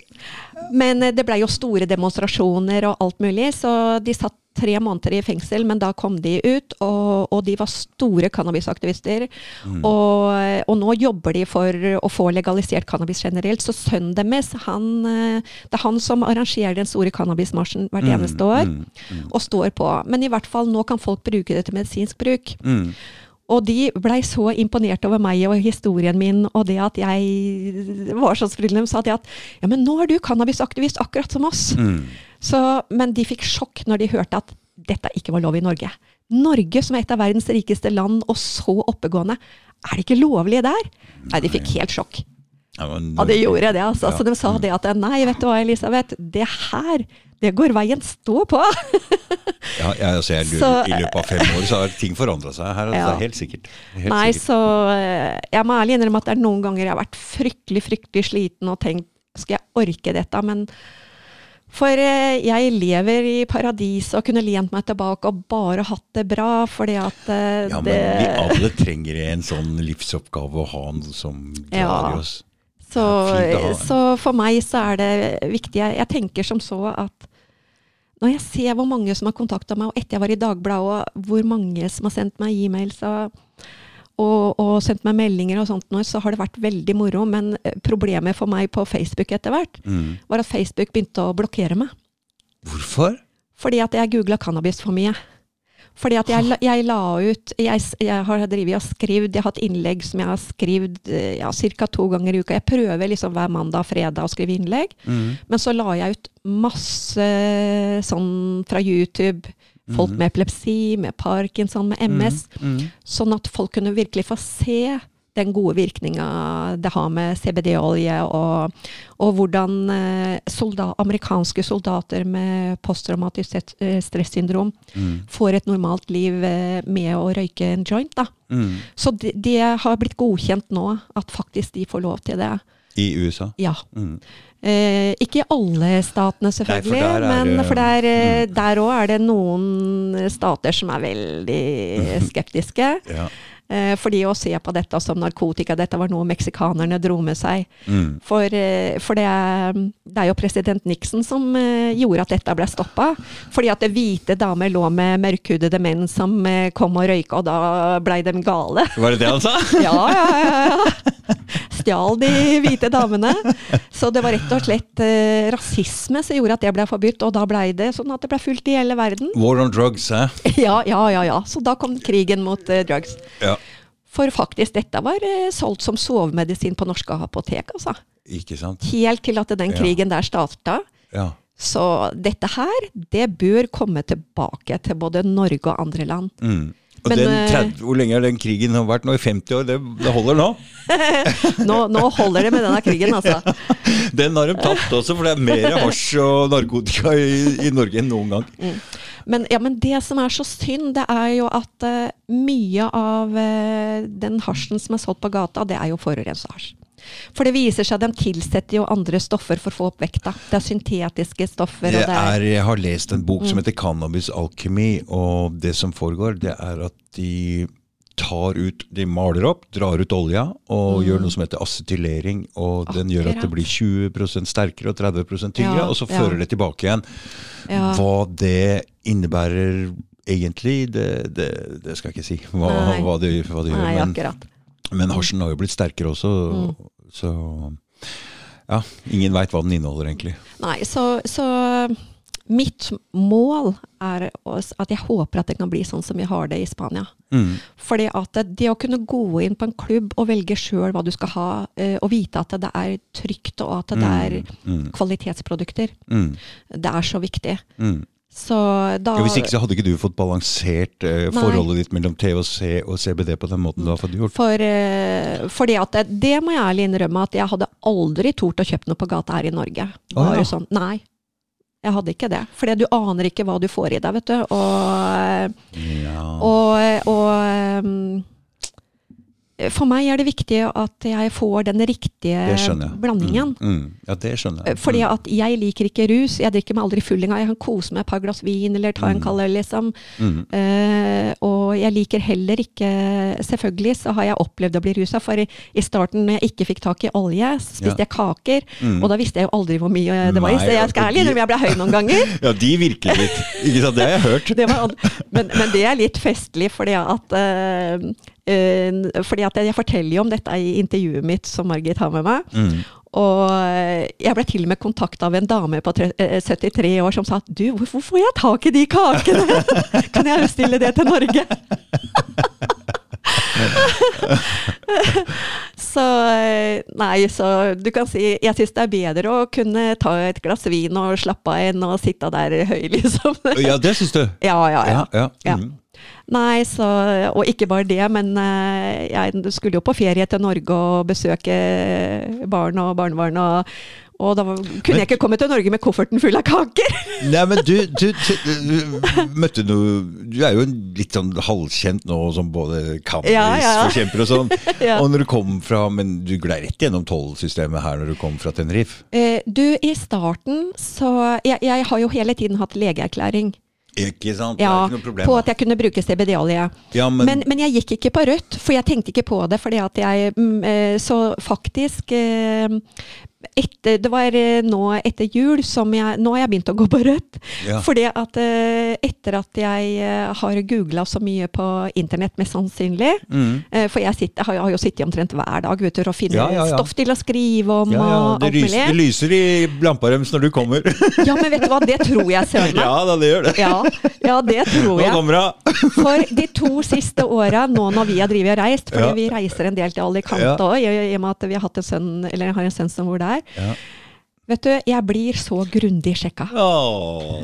Det er sånn, når vi kommer eh, gjennom innsjekkinga, eh, så er det jo mannen min som går der først. Altså, han er full av tatoveringer og hadde Ja. på seg Bob Marley-skjorte. han går rett gjennom. Han går rett gjennom. Men de skal vite hva som er min koffert, hva som er min veske, Ja. og de går dobbeltsjekker rullestolen min. Så, eh, så det lyser rødt når jeg kommer i tollen nå. Ja, det det. Ja, det gjør det. Så nå har jeg begynt å gå på rødt, altså. Så da viser jeg hva jeg har med meg, så jeg går lovlig. Nei da, så Det er litt festlig òg, det der, altså. Ja. Det er det. Nei, de, har nok, eh, de følger nok med hvem som er hvem. Mm. Ja. Nei, så nå på den eh, Facebook-siden min, den åpne Facebook-siden min, så ikke får jeg eh, mm, eh, lagt ut noen eh, links, og, og nå får jeg ikke svart på meldinger heller. Jeg kan trykke at jeg liker at folk har eh, satt en melding, men jeg kan ikke, de har blokkert meg for nesten alt. Det visste jeg ikke at det ble sensurert det der Jo det da. Jeg fikk tilbakemelding at uh, grunn For jeg skrev til Ja, dem eh, hvorfor den blokkerte. Mm. Fordi jeg skrev om usikre stoffer. Ja. Det var grunnen til at den blokkerte meg. Det har jo vært en Ja. litt sånn greie med den legemiddelindustrien og vaksiner og pandemier og sånn som gjør at de, de, de, de Mm. Ja. har nok en greie på Men det der. Men jeg kan tenke meg at legemiddelindustrien dem støtter vel sikkert Facebook og det som Er det, de, de er, har en finger inne i bildet overalt. De, der. Ja, de, er, ja. de er veldig mektige, altså. Ja, de er faktisk det. De er det. Så, nei, så derfor så er jeg veldig glad for at jeg kunne mm, lage en blogg nå, så folk kan følge meg uavhengig av Facebook, da. Men du, de blanda seg inn og lagde en sånn opioidkrise i USA, disse legemiddelindustrien. Så hvorfor klarer de ikke å gjøre det med Hvis de klarer å selge uh, opiodvarer, hvorfor kan de ikke Ja. selge cannabisvarer på samme måten? Ikke sant? Nei, altså jeg, jeg syns det er helt ufattelig, fordi at uh, da når jeg var så syk i 2015, så jeg ble morfinavhengig. Mm. Uh, og det var helt grusomt. Jeg, det var to timer før neste dose, så lå jeg og rista, ikke sant. Mm. Skal jeg snart ha? Mm. og jeg, jeg, jeg lå jo neddopa for det meste. Og altså selvfølgelig var det jo ålreit at jeg eh, slapp den ekstreme muskelstivheten og smertene. For jeg hadde jo stivna fullstendig i nakken og øverst i ryggen. Og, og kunne ikke Det gjorde jo at jeg ikke kunne løfte armene mine heller. ikke sant? Mm. Så det er klart at det, det hjalp meg jo at jeg slapp de intense smertene. Mm. Men å bare ligge der Jeg hadde jo ikke noe liv. Ikke sant? Nei. Men da når at jeg måtte kutte ut eh, morfin, da, så da hadde de ikke noe som døyva smertene. Så jeg, jeg levde i et smertehelvete. Jeg sov gjennomsnittlig to timer per natt. Kutta du m- morfinen sjøl, eller? Nei, det var, jeg måtte jo trappe ned sammen med legen min. Mm. Fastlegen min. Mm. Så, men, eh, men altså det du kan få da, det er Paralgin forte eller eh, Paracet, ikke sant. Så det er jo ikke så mye annet å få. Nei. Så nei, de, de kunne rett og slett ikke hjelpe meg. Så det Cannabis har vært eh, helt redninga for deg, hva? helt redningen for meg, altså. Mm. Det er helt redningen for meg. Mm. Det er, og um, det er det eneste som gjør at jeg kan ha et eh, normalt liv. Og som jeg begynte å komme inn på i stad, da når jeg gikk tom for CBD-olje under pandemien, Mm. eh, så fikk jeg virkelig erfare hvor ille det var. Altså fordi at altså Jeg vet ikke om sykdommen utvikler seg pga. at jeg stresser mye. Jeg blir Mm. mye sliten og stresser. Mm. Jeg tror nok det. Mm. Eh, fordi at eh, det har ikke stoppa det, men eh, da jeg hadde vært uten, og så skulle jeg på sykehus og ta noen tester fordi at jeg eh, strevde sånn med magen og, og stress. Mm. Og da jeg skulle av gårde, så jeg, jeg klarte ikke å komme meg ned i rullestolen. Jeg klarte ikke å ta på meg maskara engang. Jeg kunne ikke løfte armen min og ta på maskara engang. Mm. Så mannen min måtte hjelpe meg ned i rullestolen. Og når jeg skulle inn i bilen Jeg var så stiv at eh, jeg tror han brukte 15 minutter jeg, på å få meg inn i bilen. Så det er ikke noe tvil? Fins ikke tvil. Det fins ingen tvil. Så, CBD eh, borte, du stivner ja. helt igjen. Så det er også ikke noe tvil om det. og så var det Mm. så fint at eh, jeg da endelig hadde fått olja i posten. Mm. Og som jeg sa, at den Mr. Hemperek den inneholder jo ca. 1 THC. Mm. CBD-olja. Mm. Men jeg hadde også Rick Simpson-olje ved siden av, som igjen lager til meg på øya. Mm. Eh, sånn at når jeg hadde tatt den undersøkelsen og kom ut i bilen, Mm. så sier jeg til Ronald at nå må du gi meg droppene. Mm. Og jeg klarte ikke å ta nakken bakover engang. Mm. Så det var så vidt jeg fikk det, for jeg tar det under, liksom i munnen, under tunga. Mm. Så da, og da er det tre dråper med den CBD-en, 25 CBD-en, Mm. og én dråpe med THC. 25% CBD, det er jo veldig sterk i, i forskjell til hva man får kjøpt. Ja. Den er dyr, eller? ja, altså det varierer i pris, det òg. Ja. Men i hvert fall, da gikk det toppen fem minutter, så kjente jeg en varme som bredde seg. Og så begynte musklene å slappe mer og mer av, Mm. og så kunne jeg bevege på meg igjen. Mm. Det er jo helt sinnssykt. Mm. Mm. Og da bare Altså, det var sånn at tårene trilla på meg, altså. Mm. Og jeg sa det til mannen min, at jeg, jeg tør ikke å tenke på åssen liv jeg hadde hatt i Norge. Og da sier han mest sannsynlig hadde du endt opp på sykehjem, fordi at eh, Mm. jeg var eh, pleietrengende. Mm. Men uh, fremdeles så er det jo sånn at jeg har såpass sterke symptomer at uh, fastlegen min vil jo gå videre for å finne ut av mer, for hun mener på at det er ikke bare parkinson og sånn. Det er ikke bare parkinson og epilepsi? Nei, hun mener på at det må være noe mer. Så det er ikke vits i å gå i, i detaljer, men, Men trenger du noe mer enn de to? jeg bryr meg ikke om jeg, For å si det sånn, nå bryr ikke Det er jeg ikke meg om vits i hva noe- det heter. Nei, det er ikke fordi at jeg vet hva jeg kan ta for å ha et normalt liv. Ja. Og det får jeg ikke i Norge. Og det er ikke vits i å få flere diagnoser heller? Nei, det er ikke så viktig. Nei. Nei, det er ikke så viktig. Nei. For eh, jeg er så lykkelig med den livskvaliteten jeg har, og så og Så har du en livsoppgave òg. Ja, ja, Ja, ja. men det er viktig, selv om du blir sliten og stressa så er det viktig å ha noe å, å, å For dette er eh, Du har fått en Er det Gud som har gitt deg en sånn uh... Jeg føler jo det. Og så er jeg jo veldig heldig som uh, har den kjærligheten i livet mitt til mannen min, da. mm, At uh, vi har det så Vi har uh, levd sammen i 34 år og er like forelska, og det er det ikke alle som kan si, liksom. Det Og så jeg tenkte nesten du hadde søkt etter en sånn Jeg søker en sånn sterk mann. Han er min store, sterke bamse som bærer meg der jeg ikke kan ja. komme fram. Og for å si det sånn, jeg veier mer nå enn jeg gjorde da jeg var 48 kilo og han bar meg rundt i starten. For det er mange som trenger en sånn stor, sterk mann. Hæ? Det er ikke så lett å finne. Nei, nei, nei. Nei, så jeg er veldig heldig. Jeg er veldig heldig. Jeg skulle nesten hatt en sånn sjøl, jeg. Men Mann eller dame? nei, jeg vil ikke ha en stor, sterk dame. Da. Det- Ikke sant? Nei da, så jeg eh, Nei da. Så jeg har jo fått hørt det at hvordan kan du være så blid når du sitter i rullestol? Jo, jeg har livskvalitet, ikke sant? Ja. Ja. For det er det som er viktig. Ja. Mm. Ja, for det, bare det å leve en sånn pensjonisttilværelse nede på Tenerife, det er jo, man må jo drive med noe. Og det som er problemet da, til folk eh, som flytter til Spania, det er nordmenn da, når de kommer ned dit, da, vet du, det er den alkoholen som er så billig, da. altså, da Mm. Ja, ja, Så, ikke så sant. for, folk forfaller, ikke sant, Ja. Mm. i, de, i, de, i sånne land. Spesielt kanskje i Thailand og sånne ting, ikke sant. Det er blitt drikking hver eneste dag. Det er uh... Men da, eh, altså det er jo hvilken innstilling du har sjøl. For det er klart at uh, er du veldig glad i alkohol, så er det ikke rette sted å flytte til vet du, når du har lett tilgang. Nei. Det er det For nok det ikke. er en greie som skjer når nordmenn når Ja. de kommer ned til sted hvor det er billig alkohol. Ja, det er det ja, det går i. ikke sant? Og så har du ingenting å drive med, så er det bare drikking hele tida. Ja, du kan si at eh, vi, vi får jo en halvliter til ti kroner. Det gjør du ikke her i Norge. Nei, og dette må den benytte seg av! Men, eh, men, vi, men vi er veldig forsiktige med alkohol. Så det vi tar kun bare for å kose oss litt. Mm. Så eh, For det er en stor felle å gå i. Jeg har flere kamerater som er alkoholikere. ok? Ja, ikke sant. Og det glippet der, faren min, Mm. det grippet der, det er så sterkt ja, ja, ja. ja. at det er uh, Men, uh, men eh, det er klart at Har Hasj er ingenting. Nei. Eller cannabis er ingenting mot Alkohol det der. er jo okay. ødeleggende. Veldig. Ja. Jeg har jo hatt venner som har røyka nå. Jeg, jeg, jeg har røyka i 50 år. ja, riktig. Ikke sant? De ja, ja, ja. er helt fine oppgående, har jobber og alt er på stell. ja, ja, ja. Så Ja.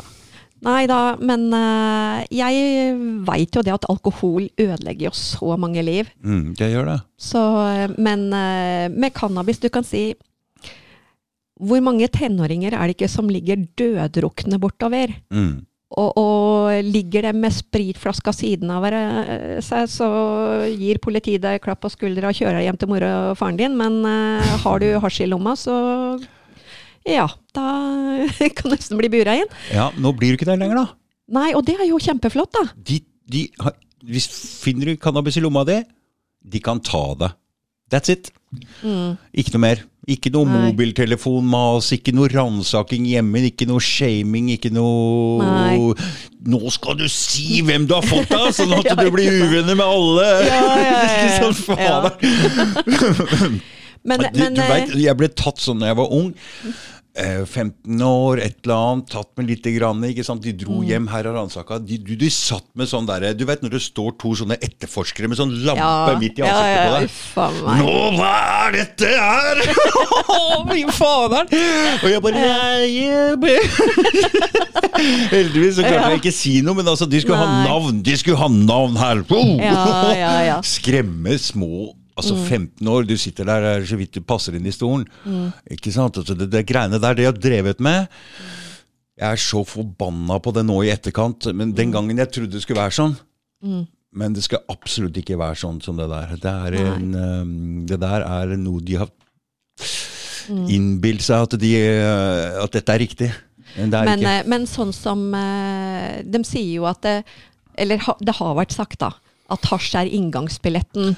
Ja. Men, eh, men, Men det, vi vet jo hvorfor det er sånn. Når det, det- fins i samme miljø, så blir det sånn. ikke sant? det handler jo mye om at de som selger hasj, de står jo og selger alt mulig annet. Ja, det er i samme miljø. Så da, da deler de gjerne ut 'prøv dette her', og så blir man hekta. Ikke sant? Ja. ja. Men, eh, men alt kan misbrukes. Så jeg, jeg syns at eh, Norge har nå. et overformynderi. det at mat kan misbrukes. Alt. Eh, alkohol kan misbrukes. Det som skjer- det- kan det som skjer-. Det som skjer med, med narkotika når det foregår sånn i det skjulte, og ingen tør å snakke om det, Mm. og alt skal liksom bare Altså, du får ikke lov å du kan, Det er så mange som ruser seg her i Norge. Ja. Mm. Det er ingen som tør å si det offentlig. ok? Noen må begynne. Jeg har allerede begynt. jeg. Så vi må få dette opp på bordet. Hva er det for noe? Hva er det kan Mm. Brukes til? De Ja. forskjellige stoffene. Hva er det til sånn så vi kan Ja. Sånn at noen få slipper å bruke alt, for det er det som foregår ja, nå. ja, ja. Mm. At vi kan dele litt på det, så alle kan bruke litt, tenkte jeg. ja Brukes opp må det! Politiet klarer bare å ta så og så mye, så jeg vet ikke hvor skal jeg gjøre det. men, men, men jeg ser jo det at eh, eh, I hvert fall veldig mange som vi nå I og med at vi går eh, Altså, vi har en cannabisklubb som vi drar når vi kjøper for å røyke eller eh, noe sånt. da. Og, og, og det er klart at uh, det er jo de som røyker for mye, som, uh, som rusen tar litt overhånd der òg, Ja, selvfølgelig. ja, ja, ja, ja. Eh, Så det òg kan misbrukes. Men jeg mener, det. er det nok til at man skal stoppe? Du skjønner det liksom at nei, folk kan ruse seg, så da skal ingen andre få heller. Mm. Med tanke på at cannabis gir så god medisinsk virkning Mm, til mm. så mange mennesker. Mm. Nei, jeg tror også at hvis vi hadde fått det litt opp og litt mer legalisert og sånn, så hadde folk kunne hatt et mer normalt forhold til det. Ja, ja. Ikke sant? Det, det blir det samme som jeg sier når en nordmann kommer ned til himmelen der nede hvor det er masse billig alkohol, så drikker han for mye. ja, Ikke ja, ja. Hvis det blir mer normalt sånn. Men det er klart det alltid vil noen være som misbruker ting. Det er jo sånn med alle ting. Alle ting. Ja. Mm. Så eh, det er jo hvordan du er innstilt sjøl. Og så er det litt sånn miljø òg, ikke sant. Ja. Når det blir sånne lukka miljøer, da blir det mye bruk. Mm, ikke sant? Men hvis det hadde vært litt sånn åpent, så hadde det, vært, så hadde det ikke blitt låst inn i miljøet. Miljøet har jo mye å si. ikke Ja, sant? Du, så du, du er jo ikke noe miljø. Nei, også, også liksom sånn som Jeg får jo stadig spørsmål ja, men blir du ikke veldig rusa. Nei, jeg gjør ikke det. Nei. Jeg fins ikke rusa. Nei. Jeg tar kun det jeg trenger for å, å liksom At eh, de brennende smertene mine forsvinner, Mm, og mm. muskelstivheten. Du, det er en av grunnene til at jeg ikke røyker hasj nå. Jeg liker ikke å være rusa på den måten lenger. Nei, Ikke, sant? Det er derfor jeg Mm. røyker ikke, og jeg trenger ikke sånn medisinsk heller. Så jeg Ja, jeg Mm. Ja. Men, eh, men i hvert fall CBD-olje, det kan hjelpe så mange mennesker. Mm. Og, og jeg kan godt være ærlig med at uh, jeg har at, sendt ut informasjon sånn at det til og med er barn i Norge som, med autisme Mm. som har begynt på CBD-olje, Mm. som faktisk har fått et normalt liv. Mm. Etter dem har, men foreldra tør ikke å si hva de gir barna sine, for da kommer barnevernet på døra. Men Det tenk på det. Barnevern er et problem. Ja. Politi ikke så mye, men barnevernet er et Ja. kjempestort problem. Men, men tenk deg det. Barn med autisme, hvordan det påvirker en hel familie. Ja. Og, og der har de assistent i barnehage og skole. Mm. Ikke kan lese eller skrive. Mm. Og eh, han mister Hemprek i Polen, han samarbeider med sykehuset der i Lublin. Mm. Fordi at nå er det flere barn med autisme og epilepsi som har fått et helt normalt liv. Ikke kunne lese, skrive, måtte ha assistent i skole og barnehage. Mm. Nå har de et helt normalt liv når de går på CBD-olje. Mm. Og det er jo helt fantastisk. Mm. Og det samme med barn med kraftig epilepsi. Eh, når ingen medisiner funker, og de ligger oppblåst av medisiner, og så kan de få en naturmedisin Mm. som gir dem et normalt liv, Mm. og så skal man ikke kunne bruke det. Mm. Det, er, det, det ligner jo ingenting. Nei, men det er en ting med denne legemiddelindustrien og Mm. naturmedisiner og noe greier, og noe vitaminer og noe greier. De vil liksom ha kontroll over det hele. Mm. På en eller annen måte. Den legemiddelindustrien, de vil ha patent, de vil tjene penger på dette her. Det Mm. Men, problemet har vi. eh, Jeg tror mye ligger i penger, Mm. men eh, da bør Norge se til Thailand nå.